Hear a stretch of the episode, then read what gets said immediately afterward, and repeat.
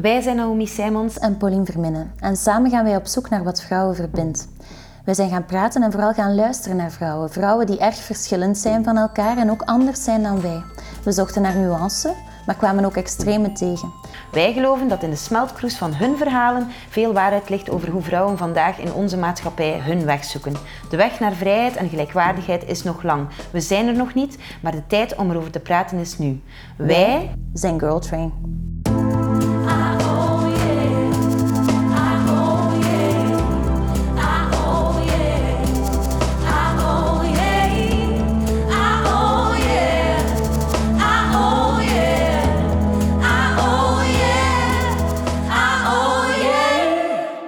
Welkom bij aflevering 2 van Girl Train. Deze keer hebben we het over keuzes maken in het leven, over hoe je geslacht vandaag de dag wel degelijk nog een rol speelt in hoe je opgevoed wordt en hoe je benaderd wordt tijdens je ontplooiing.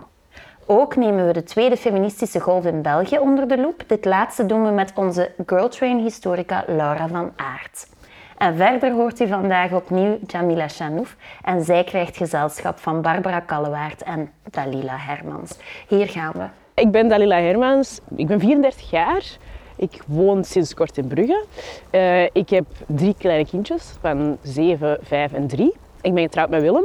En ik schrijf, ik schrijf heel veel. Dus mijn, mijn hoofd uh, professionele bezigheid te schrijven. Ik heb een paar boeken geschreven.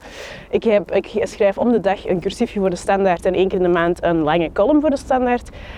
Um, ik heb een eerste theaterstuk gemaakt dat dit jaar, begin dit jaar de première is gegaan. Um, ik, wacht, ik, ga, ik ga lesgeven aan de VUB binnenkort. Ik ben daar uh, gastdocent of gastprofessor of whatever dat je dat moet noemen. um, ik, uh, wat nog?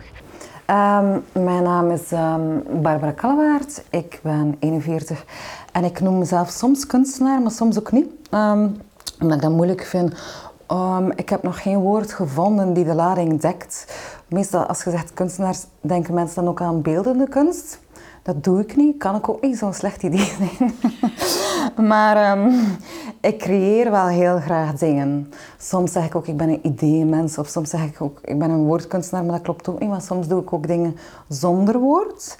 Maar um, ik denk dat creativiteit voor mij heel belangrijk is uh, mensen. Dat zijn twee rode draden. En wat ik heel graag doe is um, zo de beweging Throw Me Bone. Als iemand mij een uh, vraag of een probleem geeft, dat ik daarmee aan de slag kan. Dat vind ik de max.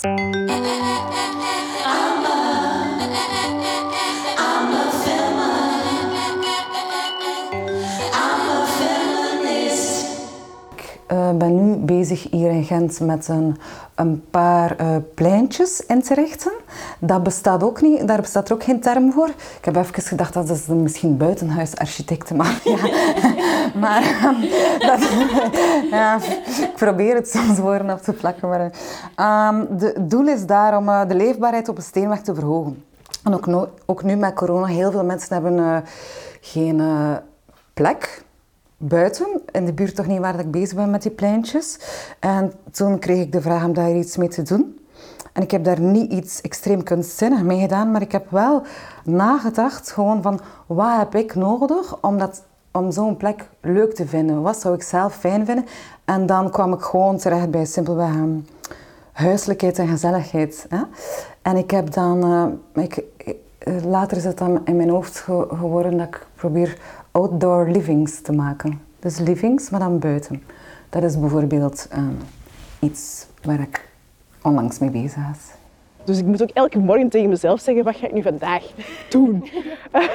dus, dus, dit jaar was niet zo heel handig voor mij, voor een chaot zoals ik, die dan heel veel projecten heeft, om dan opeens altijd thuis te zitten met zo in je eigen gedachten en dat zelf moeten ordenen, was echt uh, challenging. Want je zei een, een gediplomeerd actrice, hè? Eh, ja, dat is een van de weinige studies die ik afgemaakt heb. Ja. dat was toen al. Dan toch, ja. Dat was toen aan de hand dan? Ja, dat was toen al. Dat was toen al. Met middelbaar was ik al aan het worstelen. Mijn middelbaar heb ik afgemaakt met middenjury. Ik heb eh, de schoolrit eigenlijk niet echt uitgezeten. middelbaar, maar ik heb wel mijn diploma gehaald. Dan heb ik één jaar sociaal assistent gedaan. Eh, dan, ja, voilà, mijn, toneel, mijn toneelopleiding heb ik afgemaakt. Dan ben ik in mijn dertig jaar ook nog ehm, ben ik, ja, psychologie gaan studeren. Dat heb ik ook nooit afgemaakt. Maar ergens... Mensen kunnen misschien denken van, amai, zo chaotisch. Maar ergens klopt dat wel voor mij. Ik heb altijd al twee grote liefdes gehad. Ja, mensen en dat zitten die twee studies die ik nooit afgemaakt heb. En ja, creativiteit en de kunst. En ik denk dat ik altijd wel ergens op die lijn ga blijven wandelen. Veel projecten dat ik doe, hebben beide ook in zich. Ik denk dat dat voor u uh, dingen zijn die bijdragen aan een gevoel van vrijheid dat je hebt. Omdat je jezelf kunt zijn als je beide kunt combineren. Of, of is dat een verkeerde interpretatie? Dat weet ik niet. Ik weet niet wat dat te maken heeft met Maar los van dat sociale en de kunsten, ik denk dat ik... Uh, ik heb nog maar één keer in heel mijn leven een uh, vaste job gehad uh, als werknemer, twee jaar lang. In de culturele sector dan nog halftijds. Dus dat is echt minimaal. um, ja, ik functioneer daar echt niet zo goed in. Ik kan ook niet zo goed tegen um, ja, autoriteit zelf al. Zijn dat heel uh, ja, lieve of competente mensen of zo? Ik weet het niet zo goed. Oh ja, ik ga dat, dat, dat dan proberen, of dan dat. Of dat. Ik heb er eigenlijk nooit veel over nagedacht. Hetzelfde met mijn man, toen we elkaar leren kennen, dat was ook zo. Wij woonden na, na een week samen. Na 4,5 maand waren we zwanger van de eerste. Na anderhalf jaar waren we getrouwd. En zijn er nog twee bijgekomen. Dus we zijn, ik ben echt, de, de spontaniteit en zo gewoon springen is wel een beetje de rode draad. Ik ben wel berekend of zo. Alles wat ik doe, daar is wel over nagedacht. En ik heb nooit een beslissing genomen waarvan ik echt dacht van dit kan alles op... Ah ja, dat ga ik zeker nu niet meer. Hè. Ik ben ook verantwoordelijk voor, andere levende wezens. Dus je moet een beetje nadenken. Um, dus ik denk, um, en, en dus heel veel van wat ik heb gedaan, daar is goed over nagedacht, maar wel gewoon ingesprongen. Maar ik heb ook heel veel geluk gehad en ik wist ook wel een beetje op, op sommige vlakken dat ik dat geluk dan wel zou hebben of zo. Als ik, ik, leg daar nu uit, hè. maar bijvoorbeeld, ik ben gestopt met studeren omdat ik wist dat ik bij het paleis kon beginnen. En ik denk dat deze tijd, want bijvoorbeeld mijn schoolzus is tien jaar jonger dan mij, en op een gegeven moment wilde die ook stoppen met studeren. En dan vroeg hij dat aan mij, hè, tuurlijk. Dus ik, was zo de safeste uh, persoon in de, in de familie om mee te babbelen daarover. Uh, maar dan moest ik ook wel zo zeggen, ja, ik, ik, heb heel veel geluk gehad, maar als je, nu, als je nu zonder diploma op de arbeidsmarkt komt, is dat wel een ander verhaal als toen dat ik dat 15 jaar geleden deed. Dus denk daar wel goed over na. Um, en ik denk dat ik dat eerder met mijn kinderen op die manier ook zou doen. De tijden zijn, zijn aan het veranderen en zijn, zijn al veranderd. Dus ik denk dat het voor hen later misschien allemaal niet zo vanzelf zou gaan. Um, maar aan de andere kant, wat ik wel heel hard probeer mee te geven, is kies waar je goed in bent en waar je graag doet. Vooral waar je graag doet. Um, dus ik kan me niet voorstellen dat ik ooit tegen mijn kinderen zou zeggen van oh, ik zou uh, toch maar economie gaan studeren of, of zo een knelpuntberoep. Ik zou altijd zeggen, maar wat doe jij graag? Waar word je blij van? Um, en dat doen we nu ook al zo, hè, als ze hobby's moeten kiezen en zo. Dat gaat echt niet... Mijn man is daar soms toch wat traditioneel. Hij heeft zo zijn eigen dingen dat hij deed vroeger, dat hij me heel graag wil doorgeven. Terwijl ik echt probeer te kijken van, ja, maar we hebben drie verschillende kinderen en wat vinden die alle drie individueel leuk? Waar worden die gelukkig van? Ik heb vroeger ook nog um, um, in de humor gezeten. maar um, ik werd er eigenlijk een beetje ongelukkig van. en dat klinkt misschien raar, maar uh, of dat klinkt misschien tof of rock'n'roll om uh, heel tijd met humor te kunnen bezig zijn. Maar ik vond het duur heel vermoeiend. Ik voelde mij zo'n beetje Eigenlijk dat aapje op de draaiorgel. Zo van, pa, en de show must go on. En vandaag en morgen en overmorgen ook. Ik werd er... ja, ik werd... ik werd daar moe van. En ik vond dat... Ik was eigenlijk bezig toen, op dat moment, met een trucendoos. Dat constant in een ander jasje herhaalde. Mhm. Zo creatief is dat dan eigenlijk niet. ja.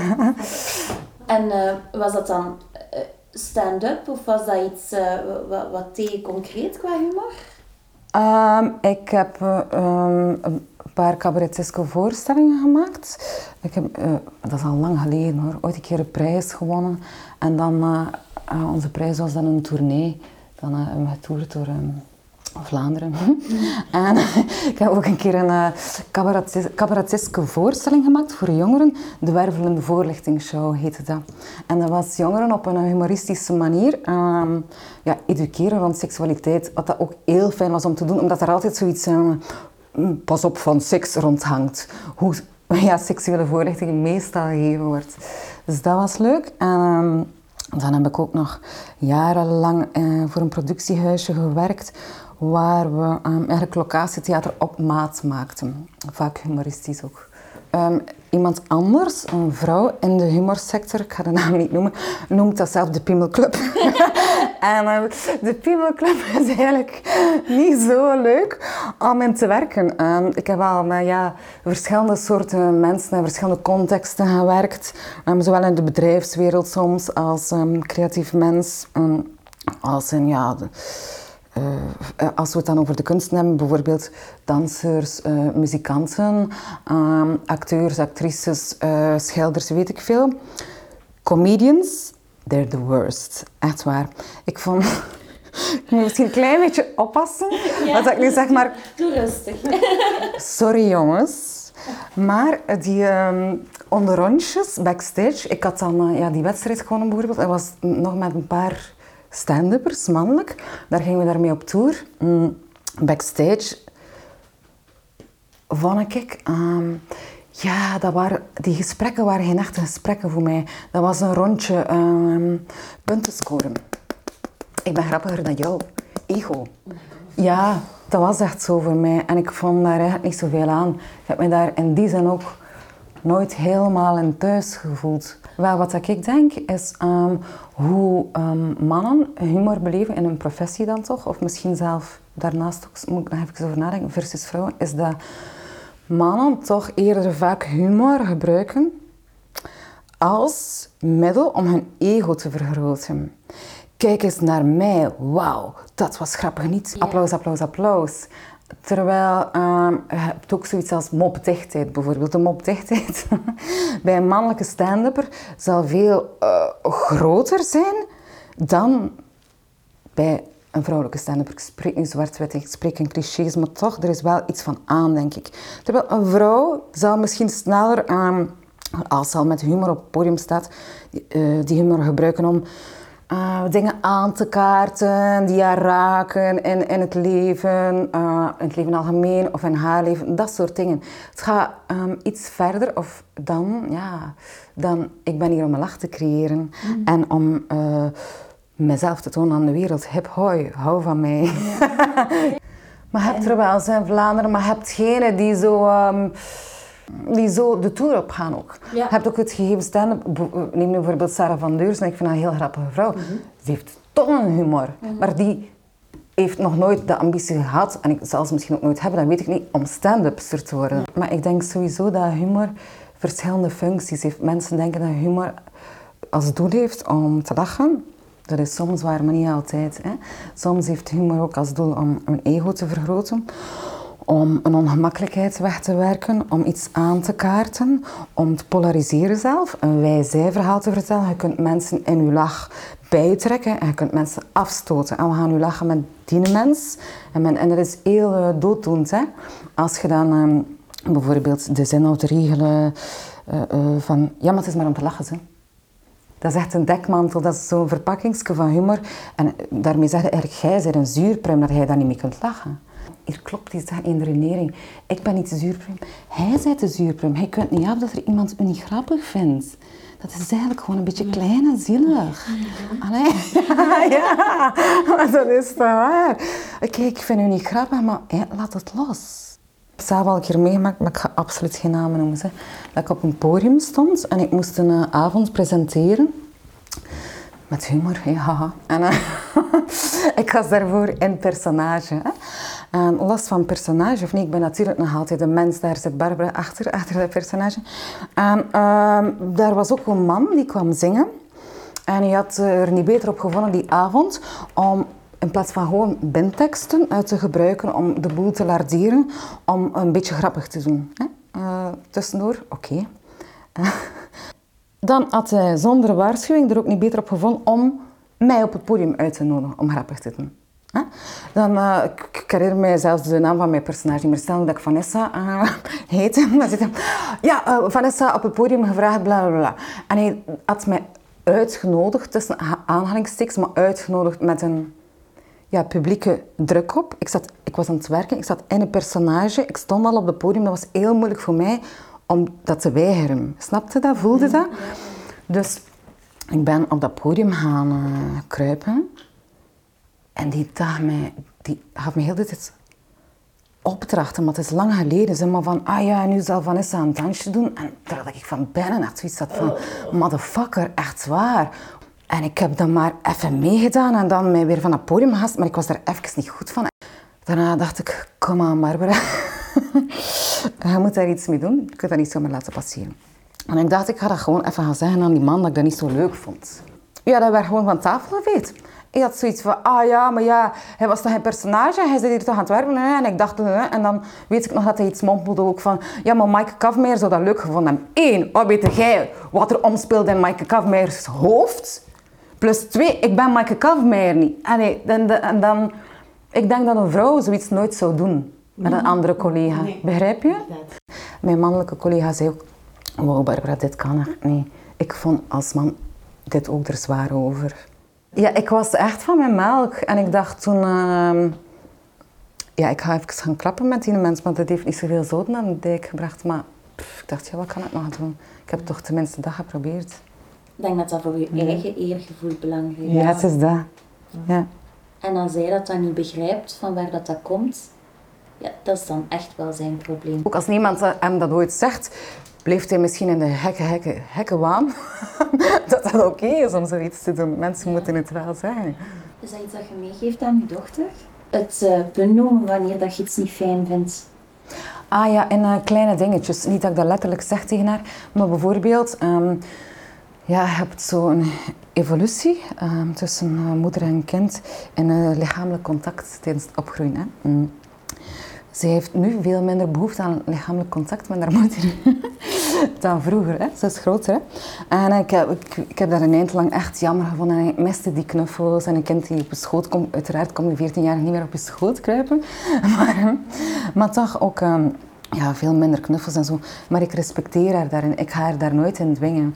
Ik ga haar nooit dwingen om mij een kus te geven. Nooit dwingen om uh, mij een knuffel te geven. En ik ben gewoon blij als, als dat dan wel komt en als het van haar komt. En uh, we hebben daar nog nooit geen grote gesprekken over gehad. Maar ik hoop dat ik haar zo toch wel meegeef. Al is het maar onbewust, jij geeft aan wat jij met je lichaam wilt doen. Ja, vanuit die ik denk vijf, zes, heb ik, heb ik, bewust gesprekken met mijn kinderen over hun lichaam en over hoe dat van hen is. En over, want, want ik wil dat zij weten dat ze nee kunnen zeggen en ik wil dat zij weten dat ze... Maar dat zijn heel moeilijke gesprekken voor mij, niet voor hen. Maar voor mij, want ik vind dat... Ik weet nu raar, want ga ik nu opeens over dingen als Ehm, predators en zo beginnen praten met mijn kleuters. Maar aan de andere kant, ja, want als die dat niet weten, God weet wat gebeurt er dan. Maar dat is een moeilijke kronkel voor u als ouder, want je hebt, je hebt de neiging om al de lelijkheid buiten te houden. Maar door dat, door dat buiten te houden, gaan ze, gaan ze ook niet voorbereid zijn op die lelijkheid. Dus ik denk dat dat met racisme een beetje hetzelfde is. De ouders heel vaak denken van, maar daar moeten nu toch kinderen niet mee confronteren. Terwijl ik denk maar die zijn daarmee geconfronteerd. Dus je moet die daartegen beschermen. Of je moet daar tools aanreiken. Ik praat sowieso wel veel met mijn kinderen over, over mijn werk en over wat ik doe. Ehm, en die stellen ook heel veel vragen. Ik heb van die kinderen dat heel veel vragen stellen. Um, dus, dus ik denk wel dat ze daar een notie van hebben. Zonder dat ik ooit echt expliciet heb gezegd, en dit is racisme en dat ga je meemaken. Maar er zijn momenten gewoon geweest dat er hem iets is overkomen of zo. En dat hij dat dan vertelt en dat ik wel kan vertellen waarom dat ik dus al die dingen doe waar ik mee bezig ben. De reden dat ik een boek wilde schrijven, was ook enkel en alleen, want ik ben, de uitgeverij heeft mij aangesproken, niet andersom. Ik had eigenlijk nooit echt de ambitie om uh, een boek te schrijven of zo. Dus een uitgeverij heeft mij aangeschreven van kijk, je schrijft goed en, en, veel, volgens mij is er een interessant verhaal en nu wilde je een, boek schrijven. En ik heb toen uh, die kans aangegrepen, meer omdat ik dacht van, ik krijg heel veel dingen niet uitgelegd in korte opiniestukken. Want mensen hier, en dan heb ik het over Vlaanderen van 2015, zijn gewoon echt nog helemaal niet mee. Dus ik, ik moet heel veel tijd verspillen in zo'n opiniestuk met de basis uit te leggen voor ik mijn punt kan maken. Terwijl ik dacht, als ik een boek heb, dan kan ik op mijn gemak een heel verhaal uitleggen, zodat we dan uiteindelijk kunnen komen tot, tot waar ik het over wil hebben. Uh, maar dan moest ik nog een vorm vinden om dat in te doen. Um, en toen las ik um, Between the World and Me van Ta-Nehisi Coates, wat een, uh, ook een, eigenlijk een lange brief aan zijn zoon is. Eh, Amerikaanse schrijver, activist. ehm, en die schreef, dat boek is, is helemaal anders van toon en zoals Brief en Cooper. Maar dat, die formule van zo het te lezen als een brief naar iemand anders en niet per se naar u, kwam bij mij veel beter binnen. Ik begreep het daardoor beter en ik had ook minder weerstand. Want wat dan een vader tegen zijn zoon vertelt, daar heb ik uiteindelijk niks op aan. En dus ik dacht, dat is ideaal, dat is de beste vorm. De initiële motivatie is niet geweest om Cooper iets uit te leggen, maar is om Vlaanderen iets uit te leggen. En dat was een hele goede eh, manier om dat te doen. Omdat ik voelde van, je kunt Brief en Cooper nauwelijks lezen en kwaad worden. Mijn kinderen zijn nu bijna... Allee, mijn oudste dochter is 13. En ik heb eigenlijk zoiets van... Ik ben zo blij dat we in Gent wonen, want ze gaat van zich laten horen.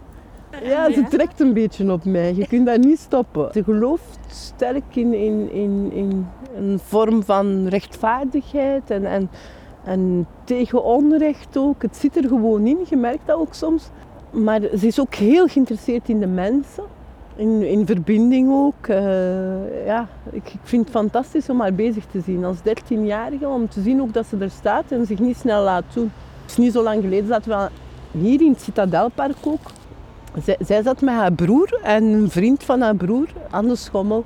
En ik kwam toe en ze was een beetje boos geërgerd omdat haar broer en die jongen over haar bezig waren. En s'avonds thuis wil ik dat gesprek aangaan met haar broer. Van, ze vond dat toch niet leuk. Hoe komt dat? En zij zo van, ja, ze hadden mij als gespreksonderwerp genomen. En ik zo, ja, als ze dat niet leuk vindt, moet je dat niet doen. Hè. Waarop dat ik ook zei van, kijk jongen, in het vervolg bescherm je je zus in plaats van zo te reageren. Ik heb geen bescherming nodig, hij moet schrik hebben voor mij, ja. Dat. Ik denk dat volgorde bij mij meer invloed heeft dan geslacht. Cooper, mijn zoon, is de oudste. En dat was mijn eerste kind. En ik was toen piepjong. En dat, was, dat is degene die mijn moeder heeft gemaakt. Dus ik merk dat ik hem op een, op een of andere manier meer heb gepamperd, denk ik. Of langer... ehm, ja, er zijn gewoon dingen die, die ik bij Cooper niet kon. Hè. Ik kon die niet naar een crash brengen. Ik kon dat niet over mijn hart. Die is gewoon thuis geweest totdat hij naar school moest. Zo'n dingen. Terwijl bij de meisjes heb ik daar eigenlijk echt geen issue mee gehad. Dat was gewoon, allee, salut, eh, see you later. Ja, terwijl, niet dat je daar minder op, maar omdat je gewoon, ja, die, dat eerste kind, en ik heb ook een heel moeilijke zwangerschap gehad met hem. Dus ik was heel, heel smothering bijna. Zo. Ik was echt zo'n moederkloek over- of zo'n mama bear met haar, welpje. En, ehm, en ik heb dat nog altijd wel in mij. Ik ben heel, ik ben heel bezorgd en heel eh, beschermend. Maar ik merk wel dat ik met de meisjes makkelijker kan loslaten. Dat dat zo bij elk kind iets makkelijker ging. Ehm, en ik merk dat ook vooral bij mijn man wel. Dat er een soort verschil is in... Ja, die meisjes kunnen alles van hem gedaan krijgen. Dat is echt al die clichés zo van girl dads. Dat is compleet waar. Ehm, terwijl hij Cooper toch al... Allee, dat hij dat minder heeft met Cooper. En ik heb dat misschien weer meer. Dus dat is een beetje raar. Ehm, dus ik weet niet in hoeverre dat hun geslacht het, het, het, het, het verschil maakt. Maar ik kan wel toegeven van mezelf dat er verschil is. In welke mate schatte jij de, de, de male predator als een, gev- een reëel gevaar voor je dochter? Ehm, reëel gevaar, jawel. Ja, direct. Ik denk dat mm, jongens op dat vlak echt nog niet goed opgevoed worden.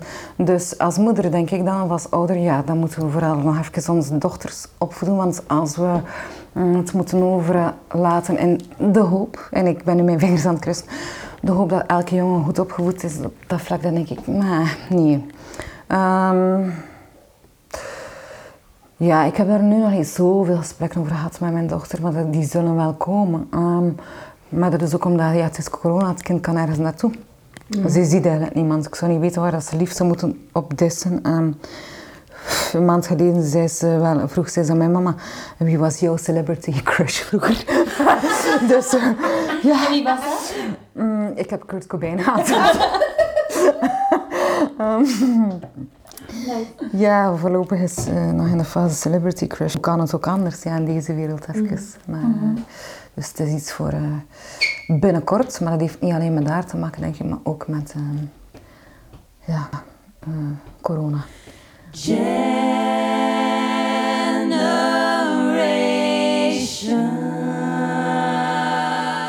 tweede feministische golf, twee principes, gelijk loon voor gelijk werk en baas in eigen buik. In België, gelijk loon voor gelijk werk zal heel eh, erg tot uiting komen in 1966, eh, wanneer dat de eh, mannelijke arbeiders van de Fabriek Nationale van Herstel, dus de wapenfabriek, loonsverhoging krijgen. En de femme-machine, de vrouwelijke arbeidsters, machinearbeidsters, niet.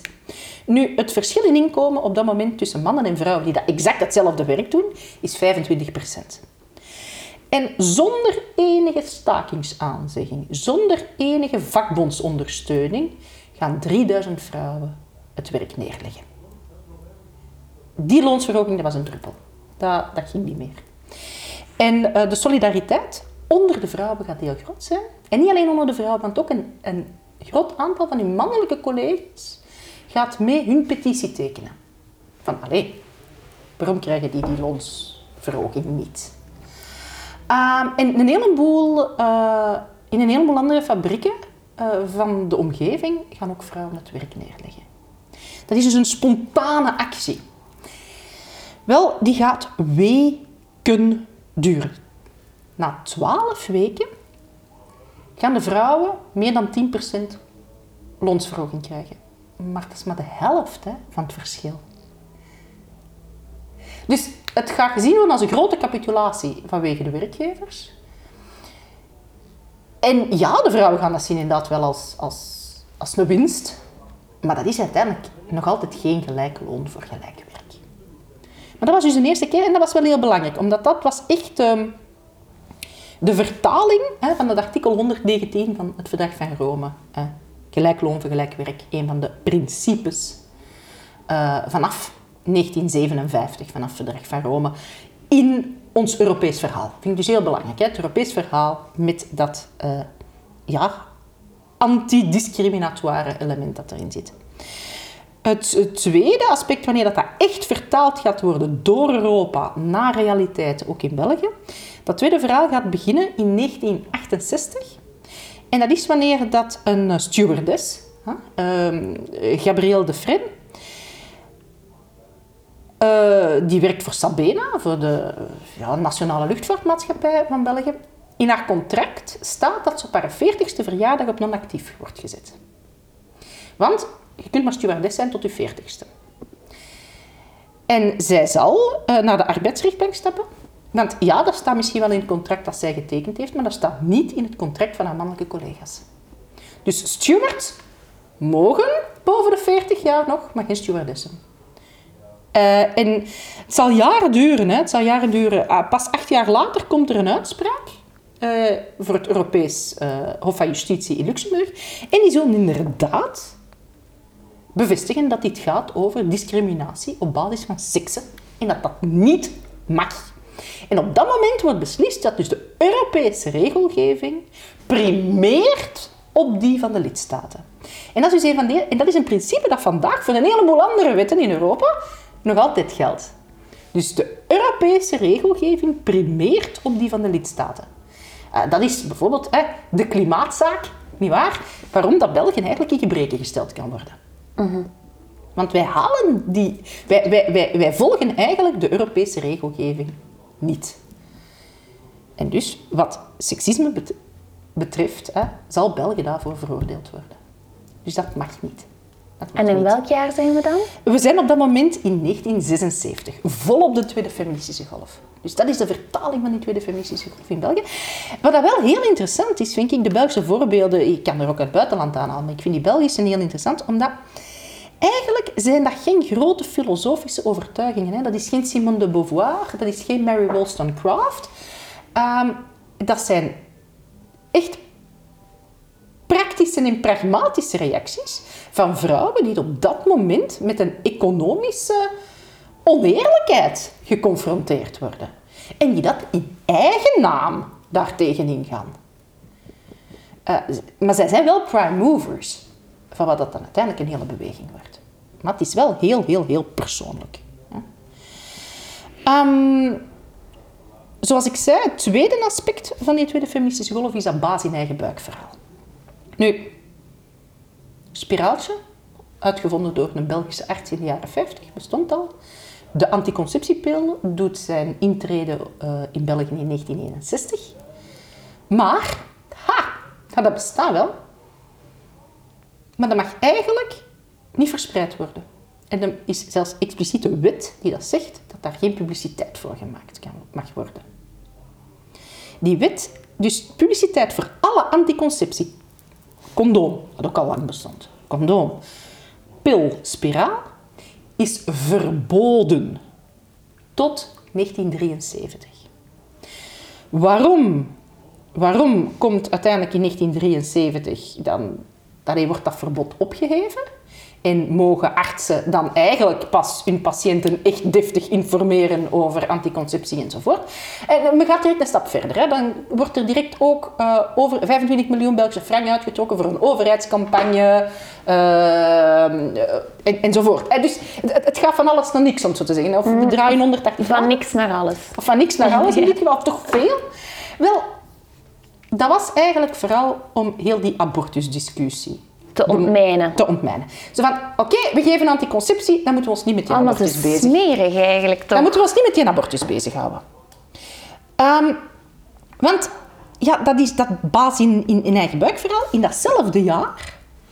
Uh, dus die baas in eigen buik, dat is ook wel een toffe. Dat is zo'n slogan uh, bekend geworden van Dolomina. Dolomina, hè, verwijzing naar de Nederlandse feministe Wilhelmina Drucker. Dat was eigenlijk een, een, een, Nederlandse organisatie en die krijgt dus ook een Belgische pot, een Vlaamse pot. En die, die, die, die zijn wel leuk. Hè? Um, ze houden van slogans. Ze houden van slogans. Uh, bijvoorbeeld, ze komen voor de eerste keer in, in het nieuws in, in 1970. Uh, wanneer dat in een, een, een Antwerps verzekeringskantoor, denk ik, alleen een Antwerps bedrijf, uh, mogen mannen roken en vrouwen niet. En Dolomina gaat er tegen reageren met een fantastische slogan: Vrouwen hebben ook recht op longkanker. Om maar te zeggen. Ze, ze, de Dolomina's zijn van de slogans. Maar het is ook duidelijk. Het is duidelijk. Waarom zou een vrouw niet mogen roken? Dus uh, ook als tabaksbedrijven beweren, we hebben lang niet geweten dat dat kankerverwekkend was. In 1970 wist Dolomina het dus wel. Dus voilà, vrouwen hebben ook recht op longkanker. Maar Dolomina is uh, expliciet links. Dus echt expliciet. Hè. Ze gaan heel snel, net zoals vrouwelijke... Allez, net zoals uh, Belgische feministes voor hen, heel, heel snel ook weer die linkse hoek uh, gaan opzoeken. Terwijl dat die strijd om baas in eigen buik, dat gaat breder gedragen worden. Dat gaat echt veel breder gedragen worden. Vooral dan die... En eigenlijk is dat toelaten van publiciteit te maken voor anticonceptie een manier om de vrouwenbeweging weer uit elkaar te spelen. Want abortus, dat is toch wel een stap verder. Abortus is toch wel een stap verder. Um, in datzelfde jaar, dus dat anticonceptie, dat je daar publiciteit voor mag beginnen maken vanaf 1973. Hè, dus dat eigenlijk het wet dat stelt dat je daar geen publiciteit voor moet maken, geschrapt wordt. Dat is het jaar dat dokter Willy Peer gearresteerd gaat worden. Dus dat is een arts die dat erom bekend staat dat hem abortussen, niet alleen abortussen laat uitvoeren, maar ook dat hem uh, uh, uitvoert, maar ook dat hem zijn patiënten informeert over anticonceptie, dat hij, hen, dat hij spiraaltjes bij hen binnenbrengt, dat hij hen de pil geeft, hè, enzovoort enzoverder.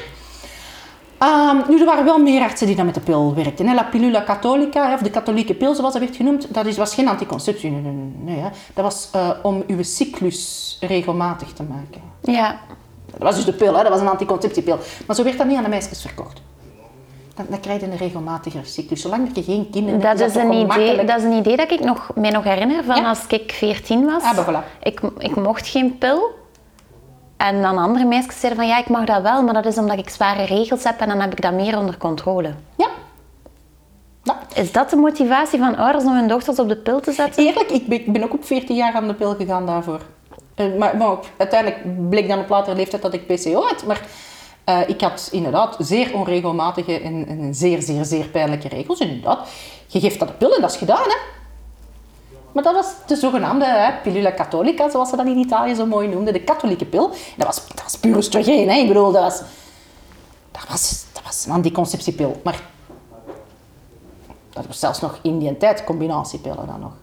Maar ja, Willy, doch- dus dokter Peer stond daarom bekend, hij deed dat. En ook de beschuldiging was het uitvoeren van meer dan 300 abortussen. Ehm, en ineens kwamen alle vrouwenbewegingen op straat. Ineens kwam Dolomina voorop, maar ook de anderen. En eh, uiteindelijk zullen ze een dokter vrijlaten. Uiteindelijk zullen ze een dokter vrijlaten. Maar dat was even, want in de wet staat, nee, stond abortus tot 2018 in het strafrecht. Hè? En op dat moment, dat is, dat is een strafbaar feit. Dat staat in het strafrechtboek. Dus de manier is om te zeggen, allez, pak je pil, dan is een abortus niet meer nodig. En dat is een beetje dat idee. Dat is een beetje dat idee. Ehm, nu, die pil is ongelooflijk populair in België.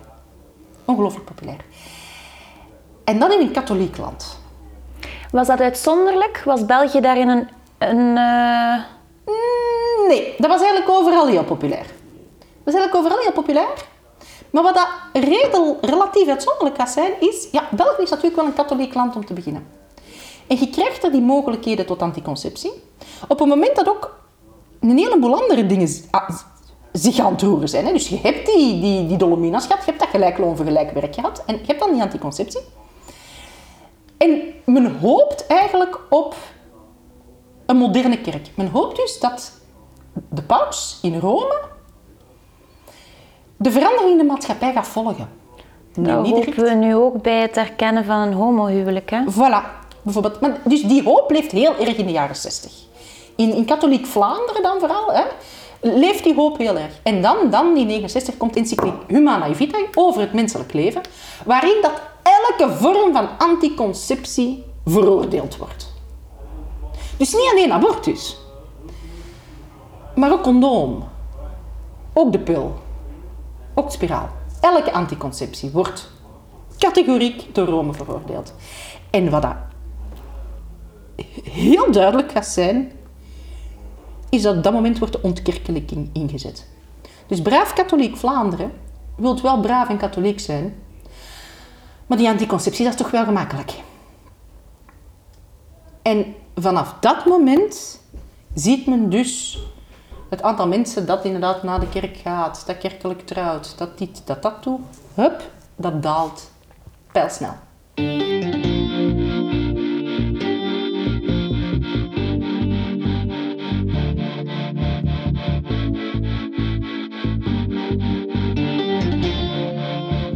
Heb je dat zelf ervaren als, als jonge vrouw dan of als, als tiener? Ehm, hebben uw ouders dat, u daarop attent gemaakt? Hebben die aandacht gehad voor uw zelfbeschikking over dat lichaam of dat lichamelijke? Nee, Nee. nee ik, heb een, ik heb een beetje moeten vallen en opstaan. Maar heb je daarmee geworsteld met ehm, uw lichaam? Ehm, wel, er zijn twee dingetjes waar ik nu aan denk. Enerzijds lichamelijk, want dat gaat dan over lichamelijke grens. Ik denk ook omdat ik er nooit aangeleerd geweest ben. Ik heb, ik, ben, ik heb vroeger toen ik jong was wel af en toe over mijn grenzen laten gaan. Gewoon niet stop zeggen of gewoon niet durven aangeven van hey, ik heb hier geen zin in, doe dit niet alsjeblieft. Of dit gaat te ver voor mij. Zeker. Eh, dus dat heb ik bijvoorbeeld moeten leren. En wat ehm, het andere betreft, als puber heb ik eh, heel, heel lang complexen gehad dat ik geen borsten had. Heel lang. en eh, ondertussen ben ik er al heel, heel lang over. ja, ik echt zoiets van, ja, whatever, potato, potato, ja. Naast, ehm, om te zeggen, dat gelijkloon voor gelijk werk en dat basis in eigen buik, zijn er nog twee elementen van de tweede feministische golf die ik wel belangrijk vind. En het eerste is eh, de verschillende eh vrouwenrechtenbewegingen, Dolomina, maar ook een heleboel andere, ook katholieke bewegingen enzovoort, eh, gaan dan ook aandacht hebben voor seksueel geweld. Dus de vluchthuizen, die vanaf de tweede helft van de jaren 70 dan voornamelijk gaan opgericht worden in alle grote Belgische steden, dat gebeurt allemaal onder impuls van de vrouwenrechtenorganisaties. Ehm, waarbij dat er dus natuurlijk niet alleen wordt gekeken naar eh, seksueel geweld door vreemden, maar natuurlijk ook seksueel geweld door de partner. Ehm, en ja, nu is er natuurlijk wel het probleem dat ehm, verkrachting binnen het huwelijk volgens het uh, Belgisch strafwetboek niet bestaat. Uh, we zullen moeten wachten tot 1989 voordat de definitie van verkrachting wordt uitgebreid, zodat het eigenlijk ook een erkenning van echtelijke verkrachting inhoudt. Ik vind dat machtig laat. Ja? Dat is eigenlijk nog maar een dikke 30 jaar geleden. Ja. En we zijn nu toch uh, maar heel recent. Nu is het er iets in de pipeline om het nog uh, meer uit te breiden. Ja, maar dus dat is, dat is een heel langzame evolutie. Maar. Dat is dus een heel langzame evolutie. En dat, dat is natuurlijk terug te brengen op vrouw als eigendom van haar man. He, aangezien dat de gelijkheid van man en vrouw binnen het huwelijk uh, nog maar sinds 1976 is. Ja, bon, dan... Maar wij zitten daar nog altijd mee, hè, met die erfenis. Dat, dat is allemaal nog maar een halve eeuw geleden. Mm -hmm. En daar zitten we vandaag de dag nog altijd mee. Het tweede aspect is dat het, aangezien dat op dezelfde moment, in, in die 60s gebeurt van alles. Uh, heel veel, uh, dat voor vrouwen interessant is. Bijvoorbeeld de welvaartstoename is niet te onderschatten. Um, het feit dat gewone mensen in 15 jaar tijd hun inkomen met meer dan 100% zagen toenemen. Dat is hallucinant. Hè? Dus ik denk dat we allemaal verhalen in onze omgeving kennen. Bijvoorbeeld bij mij zijn het mijn grootouders. Uh, mensen in een arbeidersrijhuis. Uh, dat ze nog moesten delen op een gegeven moment met een ander gezin. Uh, en mijn grootvader die dan met de fiets, dat was een geschoolde arbeider, was daar heel trots op, was scheepshersteller. En dat met de fiets dan vanuit Merksem naar de haven ging om te, om te gaan werken. Um, die mensen hebben zich uh, in het begin van de jaren 70 een uh, huis in een nieuwe verkaveling kunnen veroorloven. Een belletagewoning. Met een eigen auto dan ook nog eens voor de deur. Nou, dat, was hallucinant. Hè? Dus die welvaartstoename heeft ervoor gezorgd dat een heleboel jonge meisjes ineens wel konden studeren. Dus dat middelbaar onderwijs, dat dan pas in de tweede helft van de 19e eeuw gesticht is voor meisjes, ja, dat was natuurlijk al lang opengezet uh, voor meisjes. Maar het aantal meisjes dat daaraan deelnemen, zal mede met die welvaartsstijging van de jaren 60 toenemen. Net zoals het aantal uh, studentes in hoger onderwijs. Dus het verschil wat dat die 60's heeft gemaakt voor iedereen, maar eigenlijk bijna nog meer voor vrouwen, is wel heel belangrijk. Als ik in mijn eerste kandidatuurjaar industrieel ingenieur beland was, dat ik merkte ook dat er heel weinig vrouwen die studierichting aangingen, terwijl ik gemotiveerd werd door een, een, vader die dat wel belangrijk vond dat ik in de mannelijke richting zou afstuderen. Ik merkte daar al gauw dat ik niet op mijn plaats was. Dat je daar eigenlijk als vrouw in de minderheid zit, maar ook moet opbotsen tegen vooroordelen dat ze hebben ten opzichte van je afkomst, ten opzichte van je vrouw zijn. Ik bedoel, en dan beseft op dat moment van hoeveel soorten identiteiten draagt de mens wel niet en tegen wat moet ik hier strijden eigenlijk. En dan kom je tot de conclusie dat je dan best alle hokjes omvergooit en dat je er één strijd van maakt. Ik heb daar wel mijn rust in gevonden. Ik heb momenten gehad, ook als ik studeerde toen, dat ik dacht van dit kan toch niet.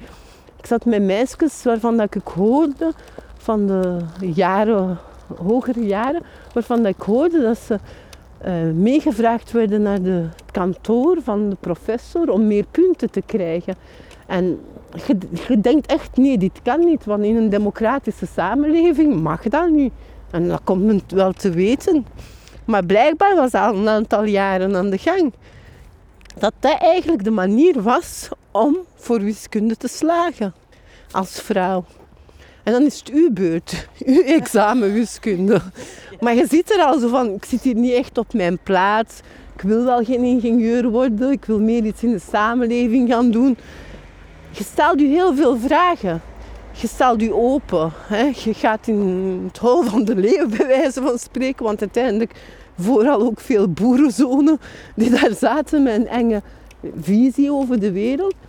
En dan kom je terecht in die context met twijfels over je studies en word je effectief ook in die positie geduwd van je bent een vrouw, je krijgt meer punten als je meekomt naar boven na de les. Maar hij heeft zich vergist, want ik ben op dat moment heb ik gedaan wat geen enkele vrouw voor mij gedaan heeft. Maar ik heb daarmee wel een probleem opgelost. Dat is gewoon opstaan en zeggen van wat blieft, ik meekomen naar boven. Dus ondertussen waren die andere gasten hun examen aan het afleggen. En dan ben ik opgestaan en gezegd van, ik ga niet mee met u naar boven. Ik doe dat niet. Maar die gasten die wisten dat, want men hoorde het wel van elkaar. Zij wisten dat er gevallen waren. En op het moment dat ik dat bespreekbaar heb gemaakt, heb ik steun gekregen van die gasten. Maar er moest wel iemand het zeggen. Er moest een vrouw opstaan en zeggen van, ik ga niet mee naar boven. Ik wist toen, ik ga toch geen ingenieur worden, dus ik had niet veel te verliezen. Hè. En die professor, ja, dat was de laatste dag van zijn carrière. In hetzelfde jaar hadden we een leraar die technisch tekende en die vroeg in de klas van, ja, kan je opstaan? En dat was dan aan mij gericht. En hij zo van, ik ga jullie uitleggen wat vooraanzicht wil zeggen. En dan, hij tekende op dat bord borsten. En hij zei van, ja, dat zijn haar borsten. In een klas vol jongens, vol... Uh, en en ik, ik, ik, klapte toe eigenlijk. Hè. Op dat moment, hij is ook iemand met macht, je bent nog vol een bak bezig doorheen een jaar. Ik heb niet kunnen reageren, maar er waren wel twee gasten in de klas die dat wel gedaan hebben. En die wel gezegd hebben van, dat doet je niet en dit en dat. Waardoor dat ik eigenlijk dan pas besefte van, ja, eigenlijk dat doet je niet. Omdat dat voor mij ook de eerste confrontatie was met seksisme in, in het onderwijs. Want er was al zoveel waar tegen dat je moest En dat er nog bij, want je had verwacht van dat ze gingen zeggen van yes, we gaan u helpen en, en we hebben meer vrouwen nodig. Want ja, ze zitten dat ook continu te zeggen, wij willen dat vrouwen geëmancipeerd zijn. En dan zijn je aan dat proces bezig en dan komt je dat tegen. En dan denk ik wel dat we daarin wel die hele overprotective mensen gaan zijn die gewoon direct dat gaan aankaarten. En, en ik zou nooit zeggen tegen hen van, wow, dat zit in je hoofd. Of omdat ik dat zelf misschien wat veel heb gehoord als ik opgroeide. Of, of, of onbewust heb meegekregen als ik opgroeide. En dat is, dat is het, het ergste dat je kunt voelen. Als je voelt dat er iets mis is en andere mensen zeggen nu dat is niet waar. Of je verbeeldt het u. Dat is verschrikkelijk. Dus dat zou ik nooit willen doen. Maar we stonden in uh, ons buurtwinkeltje waar we altijd gingen. En uh, Cooper is zo... en mijn kinderen zijn zo heel... Uh, die praten met iedereen. Wat soms echt gênant is bijna. Die gaan zo echt naar, op een terras naar andere mensen en zo. En wat ben jij aan het eten? Zo van die dingen. Uh, dus uh, we gingen barbecuen. Dat was, dat was, tegen de zomer. We gingen barbecuen. Dus we hadden zo van alle dingen in onze... Uh, en Cooper is ook kei enthousiast erover. En er staat een vrouw achter ons. En hij draait zich zo, mevrouw, mevrouw, we gaan barbecuen. Wat gaan jullie eten? Zo, ik, weet, ik weet nu lief eigenlijk. En die, die draaide met haar ogen en die keek weg. Wat dat, met mij al zo, als een kind tegen u babbelt, dan babbelde gewoon terug. Of dan, dan lachte een keer, of weet ik en, maar, maar Cooper gaf ook niet af, want hij snapte niet wat er gebeurde. Dus eh, maar, maar, als je wilt, mag je wel bij ons komen. Dus die, die, die bleef echt gaan. En, ja, en die vrouw op den duur zuchtte die en draaide die zich om in die rij. En ik was echt op het punt om daar iets van te zeggen. Totdat Cooper opeens zo keihard tegen mij zei... Amai mama, ik denk dat die mevrouw niet veel geslapen heeft hoor. Die is zo slecht gezet. En ik. Dus ik vind keihard lachen. Ik zeg, ja Cooper, sommige mensen kunnen toch echt zich niet gedragen. Hè? Dus wij zo bij twee beginnen roddelen over dat mens. En dat was wel kei tof. En um, dan, die man van de buurt ken, ken ons ook heel goed. Dus die gaf zo Cooper zo iets extra ook. Omdat ze van, ja, goed gezegd of zoiets. Um, en achteraf ja, heb ik die vraag gedekt. En ik wist ook dat, die zo, dat dat zo Vlaams Belanger, whatever was. Dus op zich, tot hiertoe hebben ze het zelf altijd wel kunnen oplossen of zo. Maar dat gebeurt wel. En dat is gewoon bizar. Dat is heel bizar om dat te zien, dat mensen hun afkeer van buitenlanders of whatever ook kunnen richten naar zo'n onschuldige... Ja. Naar kinderen. Ik vind dat echt bizar. Jij bent toch een slimme, hè? Dus ik had zo... En zo, ja, ah, echt, soms vind ik dat toch wel heel jammer voor u. Dat jij zo slim bent, want hè, je kunt eigenlijk wel veel en je bent een beleefd meisje en zo. En dat jij, dat jij later met een buitenlander gaat moeten trouwen. Dus ik echt zo, huh? Huh? Want ik had zo zelf ook totaal niet door wat die... Ja, ik was dan elf of zo. Hè. Ik was echt nog jong. Dus ik zeg zo, ah, en waarom moet dat dan? En die zo, ja, Maske, dat zullen ze toch al wel verteld hebben? En ik zo, nee. En die zo, ja, zo werkt dat, schatje. Mensen van uw soort trouwen met mensen van uw soort. En mensen van onze soort trouwen met mensen van onze soort. Dus ik kijk zo, ah ja, oké. Ik zeg, maar ik ken helemaal niet, geen buitenlanders. En zij zo, ja, daarom is het ook zo jammer. Hè? Dat gaat dan zo een van de stad zijn. Zoiets in de naars. Dus die was mij aan het voorbereiden dat ik zo zou moeten trouwen met een of andere... Uh, in haar ogen dan eh, ongeschoolde... Uh, ja, tweede rang. ja, ja. En het, maar ik had dat dan ook ja, want kinderen pakken zoiets helemaal anders binnen. Nu zag ik echt hebben gezegd, what the fuck. Allee, maar ik heb toen echt zo gedacht van, ah ja, oh, dat is wel jammer voor mij. Dat was gewoon een gesprek, hè. Da- Daarna was het terug uit mijn hoofd. Maar als ik daar nu op terugdenk, dat ik denk van, what the f... Ja, stel dat iemand zo tegen je dochter Man, je staat daar toch aan de deur. maar ja, kijk.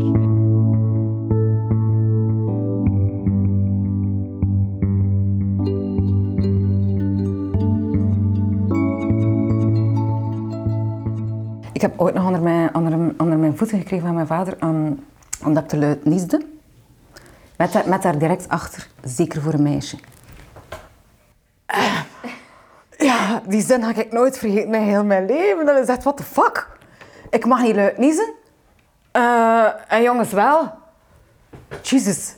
Ja, dat werden verschillende dingen wel doorgetrokken, maar dat is een voorbeeld. Dat, ja, ik zeg, dat gaat mij mijn leven lang bijblijven, omdat zo ja, van de pot gerukt is. Gewoon. West-Vlaanderen, ja. Vlaanderen ook, ja. Waar, waar meisjes niet luid mogen zijn. Nee, maar ik moet wel echt zeggen, het verschil, het is wel een groot verschil, denk ik nog altijd. Hè. Want West-Vlaamse jongens maken toch veel lawaai? Die maken is mijn, massa's lawaai. Mijn bescheiden ervaring. En Zeker heel West-Vlaamse vrouwen ook. Het is te zien. Maar de, de taal, eh, eh, West-Vlaams is ja, iets, Zie is, is, is wel volks. Hè? En ja, als ik denk aan sommige mensen, vrouwelijk in mijn familie, ehm, ja, allee, mijn mama. mijn mama kan ook wel best luid zijn. Maar dat is dat West-Vlaamse, dat is dat dialect, denk ik. Ik weet het niet. Maar ik heb ook echt wel ervaren van als meisje zo'n beetje dimmen, hè? letterlijk en figuurlijk. Als een, zowel in volume als Wat gezegd? Is er ook een verschil in wat, wat dat je hoort te zeggen als vrouw en wat dat je hoort te zeggen als man? Het gaat volgens mij soms ook echt alleen over de decibels, los van wat dat gezegd. Ja, echt dat. Minder ruimte mogen innemen is dat. Hè? En decibels nemen ook ruimte in. Dat. Ehm, of ik mocht ook, ja, ehm, geografisch gezien in mijn jeugd, minder ruimte innemen dan mijn broers. Ik moest mij meer verantwoorden als ik naar daar of naar daar of naar daar ging. Maar ik ben naast het meisje ook de oudste. Dus het is iets dubbels, denk ik. Wel, ik denk dat de meeste mensen geneigd gaan zijn om een jongen meer vrijer te laten.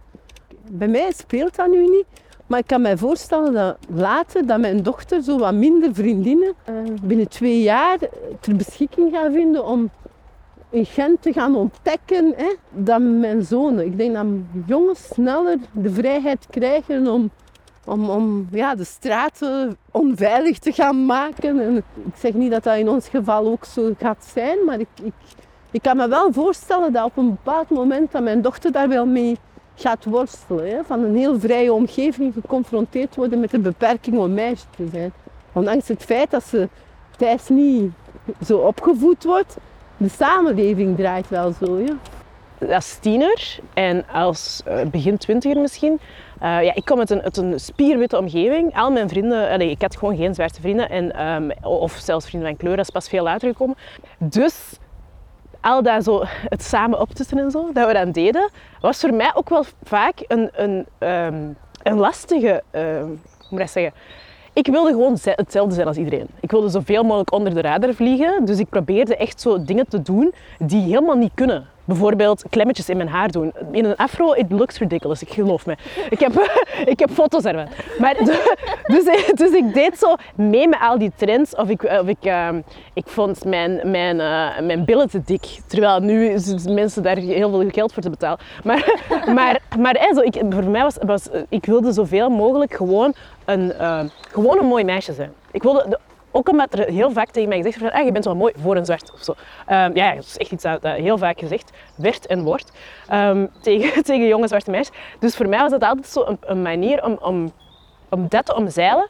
En daardoor heb ik bijvoorbeeld heel lang eh, zo heel basic eh, dunne vlechtjes. Zo, hè, die dat je gewoon in een staart kunt doen. En die dat eigenlijk, dat is wel het minst opvallende kapsel dat ik kon bedenken. Ehm, daar heb ik denk vier, vijf, zes, zeven jaar mee rondgelopen, non-stop. Ik, ging naar ik, ging daar, ik deed mijn vlechtjes uit, ik ging de volgende dag terug naar de kapper. Waardoor ik nu echt schade heb aan mijn eh, haar. Het maakt niet uit wat ik doe om ehm, niet op te vallen. In deze omgeving ga ik altijd opvallen. Ik stap hier binnen en iedereen heeft mij gezien en ik ben dat al heel mijn leven ook gewend. Dus waarom verzet ik mij daar zo hard tegen? Ik kan er beter mee beginnen spelen. Mijn stijl is zowel ehm, ontwikkeld op een bepaalde leeftijd dat ik, zo, dat ik ook mezelf aan het ontwikkelen was. En ik zo besefte van ja, ik hoef helemaal niet, ik hoef niet in te blenden in iets, want dat gaat toch niet gebeuren. Ja, dat, dat heeft mij vrijheid gegeven. Dat heeft mij echt vrijheid gegeven. Ik heb ook zo eens mijn haar helemaal afgeschoren voor een, een, dronken weddenschap. Uh, dat is echt, echt waar, is een hele, hele fotoreeks van. Dat was hilarisch. Um, maar ik ben ook heel blij dat dat gebeurd is. Want nu heb ik helemaal geen hang-ups meer of zo. Want je zei, ik ben kaal geweest. Like, that's about as extreme dat je kunt gaan met je haar. Je lijkt mij, maar dat, dat ben ik die u zie, je lijkt mij wel iemand die graag, wel, graag de dingen mooi vindt die ze aan heeft. Ja, algemeen word ik graag omringd door dingen uh, dat ik mooi vind. dus dat zou dan een beetje jammer zijn dat ik dan de enige ben in de ruimte die, zo afsteek. Hè. dus ja, uh, ja, ik, ga daar, ik heb zo uh, een paar dingen. Ik draag altijd nagellak, maar soms bladert dat ook een beetje af. Ik draag als ik buiten kom wel altijd schmink, maar dat is al veel verminderd met de jaren. Uh, een beetje mijn ogen volstaat tegenwoordig. Vroeger kwam ik niet buiten zonder fontein enzovoort. Um, en ik draag oorringen. Ik voel me een beetje naakt zonder oorringen. um, en dan zet ik mijn haar nog een beetje een extra krul. En dan denk ik, voilà, dat is al veel. en dan, um, ja, ik weet het niet dan voel ik mij al, al goed, denk ik. Dan maakt het eigenlijk al niet meer zo, zoveel uit wat ik aan heb. Mm -hmm. Voor mij volstaat dat. Ah ja, en ik heb ook twee tatoeages. Mm, en misschien dat ik ooit ook nog één zet. En dat vind ik ook wel gewoon fijn. Dat zij eigenlijk al een beetje gedecoreerd zonder dat je het doet. Ja. Is dat dan, die tatoeage, ja. is dat een soort juweel voor u? Is dat een soort... Uh... Um, de eerste niet en de tweede wel. Er is ook een heel groot verschil. De eerste is heel klein en de andere is al een heel, ah, ja, heel stuk groter. Ja. Ja. Uh, maar de eerste heb ik hier in impulsieve bui um, gezet toen ik um, alleen op reis was in uh, Turkije en Istanbul. Ik zat in een uh, jeugdherberg. Um, ik was al in de derde hoor, maar ik ging nog naar de jeugdherberg. en, en uh, ja, in de buurt was er een uh, tattoo shop. En ik ben daar binnen gestapt met het idee van, ah ja, misschien, uh, ik heb wel al een idee, ik heb al een beeld. En die zei, heb je nu tijd? Ik heb tijd. En ik dacht, oké, okay, doen we. De eerste is meer een beetje ontstaan uit een soort, ja voilà, impulsief. En ook, ik weet niet, ik vond dat schoon om daar bijna letterlijk en figuurlijk misschien een tekening bij te zetten bij mijn reis. Ja. En zoiets. Ik denk dat het de eerste keer was ook dat ik alleen op reis ging, zonder, zonder groot plan, zonder iemand. Uh, ik was dan ook iemand die wel durfde op reis gaan en alleen de wereld rondtrekken. Je mon fou om mijn weeskinderen in Marokko bijvoorbeeld te gaan helpen en zo. Ik wou echt ja, praktijken weer. En op zulke momenten besef je dat je jezelf eigenlijk voor de leeuwen werpt. Oké, uh, er zijn niet veel vrouwen die dit zouden durven, Jamila. Een bus nemen van het noorden naar het zuiden van Marokko als jong meisje, de nacht tegemoet, uh, dorp na dorp. En op een bepaald moment zat ik in een noodsituatie. Het was zo aan het sneeuwen, maar dat was een goede levensles voor mij. Want op dat moment moest de bus parkeren en moesten we opzij. En verder te voet onze tocht af, uh, afleggen. We kwamen dan bij een busstation. En uh, er was een man die mij aangeboden heeft, die daar werkte, van kijk, ik woon hier vlakbij, ik ben heel de nacht aan het werk. Je kunt op mijn appartement gaan slapen, dan moet je niet heel de nacht koud lijden tot de bus verder zou rijden. Maar ik durfde dat gelijk niet. Hij heeft mij toch een paar uur moeten overtuigen, omdat hij zag dat ik echt wel kou begon te krijgen. Ja, je zit daar in pannen en je zit daar in een situatie en hij wou eigenlijk een vrouw op, die, op dat moment geen kou zien lijden. Dat was zijn bezorgdheid. Maar natuurlijk ging ik ervan uit dat meneer bijbedoelingen had. En, en wie weet waren ze mij al aan het opwachten en dergelijke. Maar ja, je stikt van alles in je hoofd. Maar op dat moment, uh, ja, na een paar uur geef je natuurlijk op en aanvaard je dat. En geeft hij je de sleutel, mag je effectief het appartement afsluiten. Je komt dan S'morgens, allee, je wordt dan wakker en hij klopt op de deur. Ik doe open en mijn zak ontbijt voor mij en mega lief. En mij verder eh, een goede tocht wensen. Heel hartelijk, vaderlijk, warmte, liefde. Dus ik heb een risico genomen. Maar een paar maanden later, in hetzelfde Marokko, had ik behoefte om Vlamingen te zien, om Westerlingen te zien eigenlijk, eerder dan Vlamingen, want zoveel waren, ze- waren er niet op dat moment, denk ik. Maar ik, ik ging dan naar een, hotel waar ik dacht van, oké, nu ga ik Westerlingen zien. Vanavond, ik, heb- ik heb geen behoefte niet meer om in het Marokko Marokko te zitten. Ik ga waar dat de Westerlingen zitten. Ja, toevallig zat daar een Arabische vrouw aan het zingen, een Egyptische vrouw, fantastisch. Ja, weet je, cultuur weer. Eh, Ik genoot enorm van dat concert. En er is een andere vrouw die mij een drankje laat brengen. Dus ze vragen aan mij, wat wil je drinken? En voordat je het weet, zat ik, die daar alleen zat, hè, bij een groep vrouwen aan tafel. En ik dacht van, yes, zo feministen, zalig. Hè. Ze hebben ook veel gereisd en dergelijke.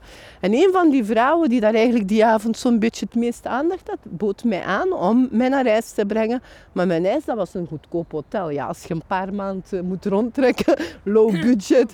Dus met een Mercedes gaan rijden we naar dat hotelletje.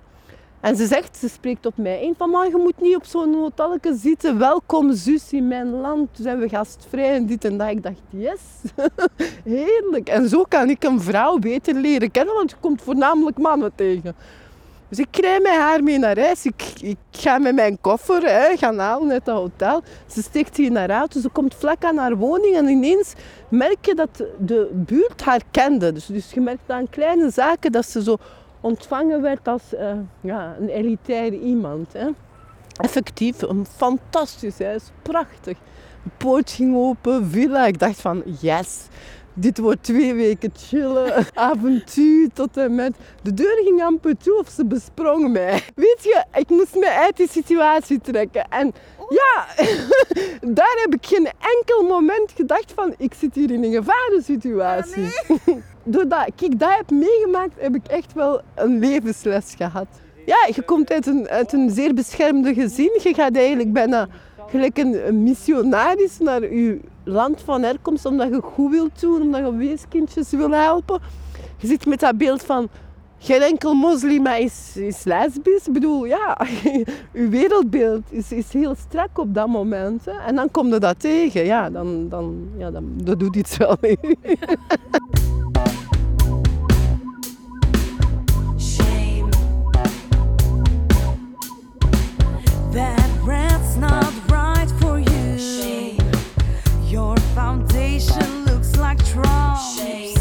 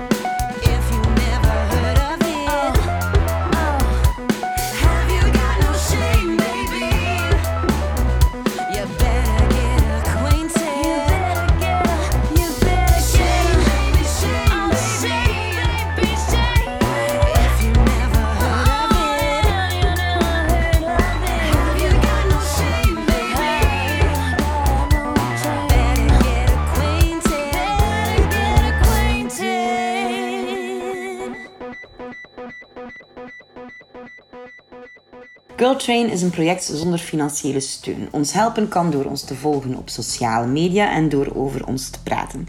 Girl Train maken wij niet helemaal alleen, dus bedanken wij heel graag Michael Nijt bij Jetson Studio om onze muziek op te nemen, Jan Hessens voor de finale editing van de audio, onze band Girl Train met Janne Blommaert, Trui Amerling, Elisabeth Delore en Helene de Klerk en uiteraard onze Girl Train van vandaag.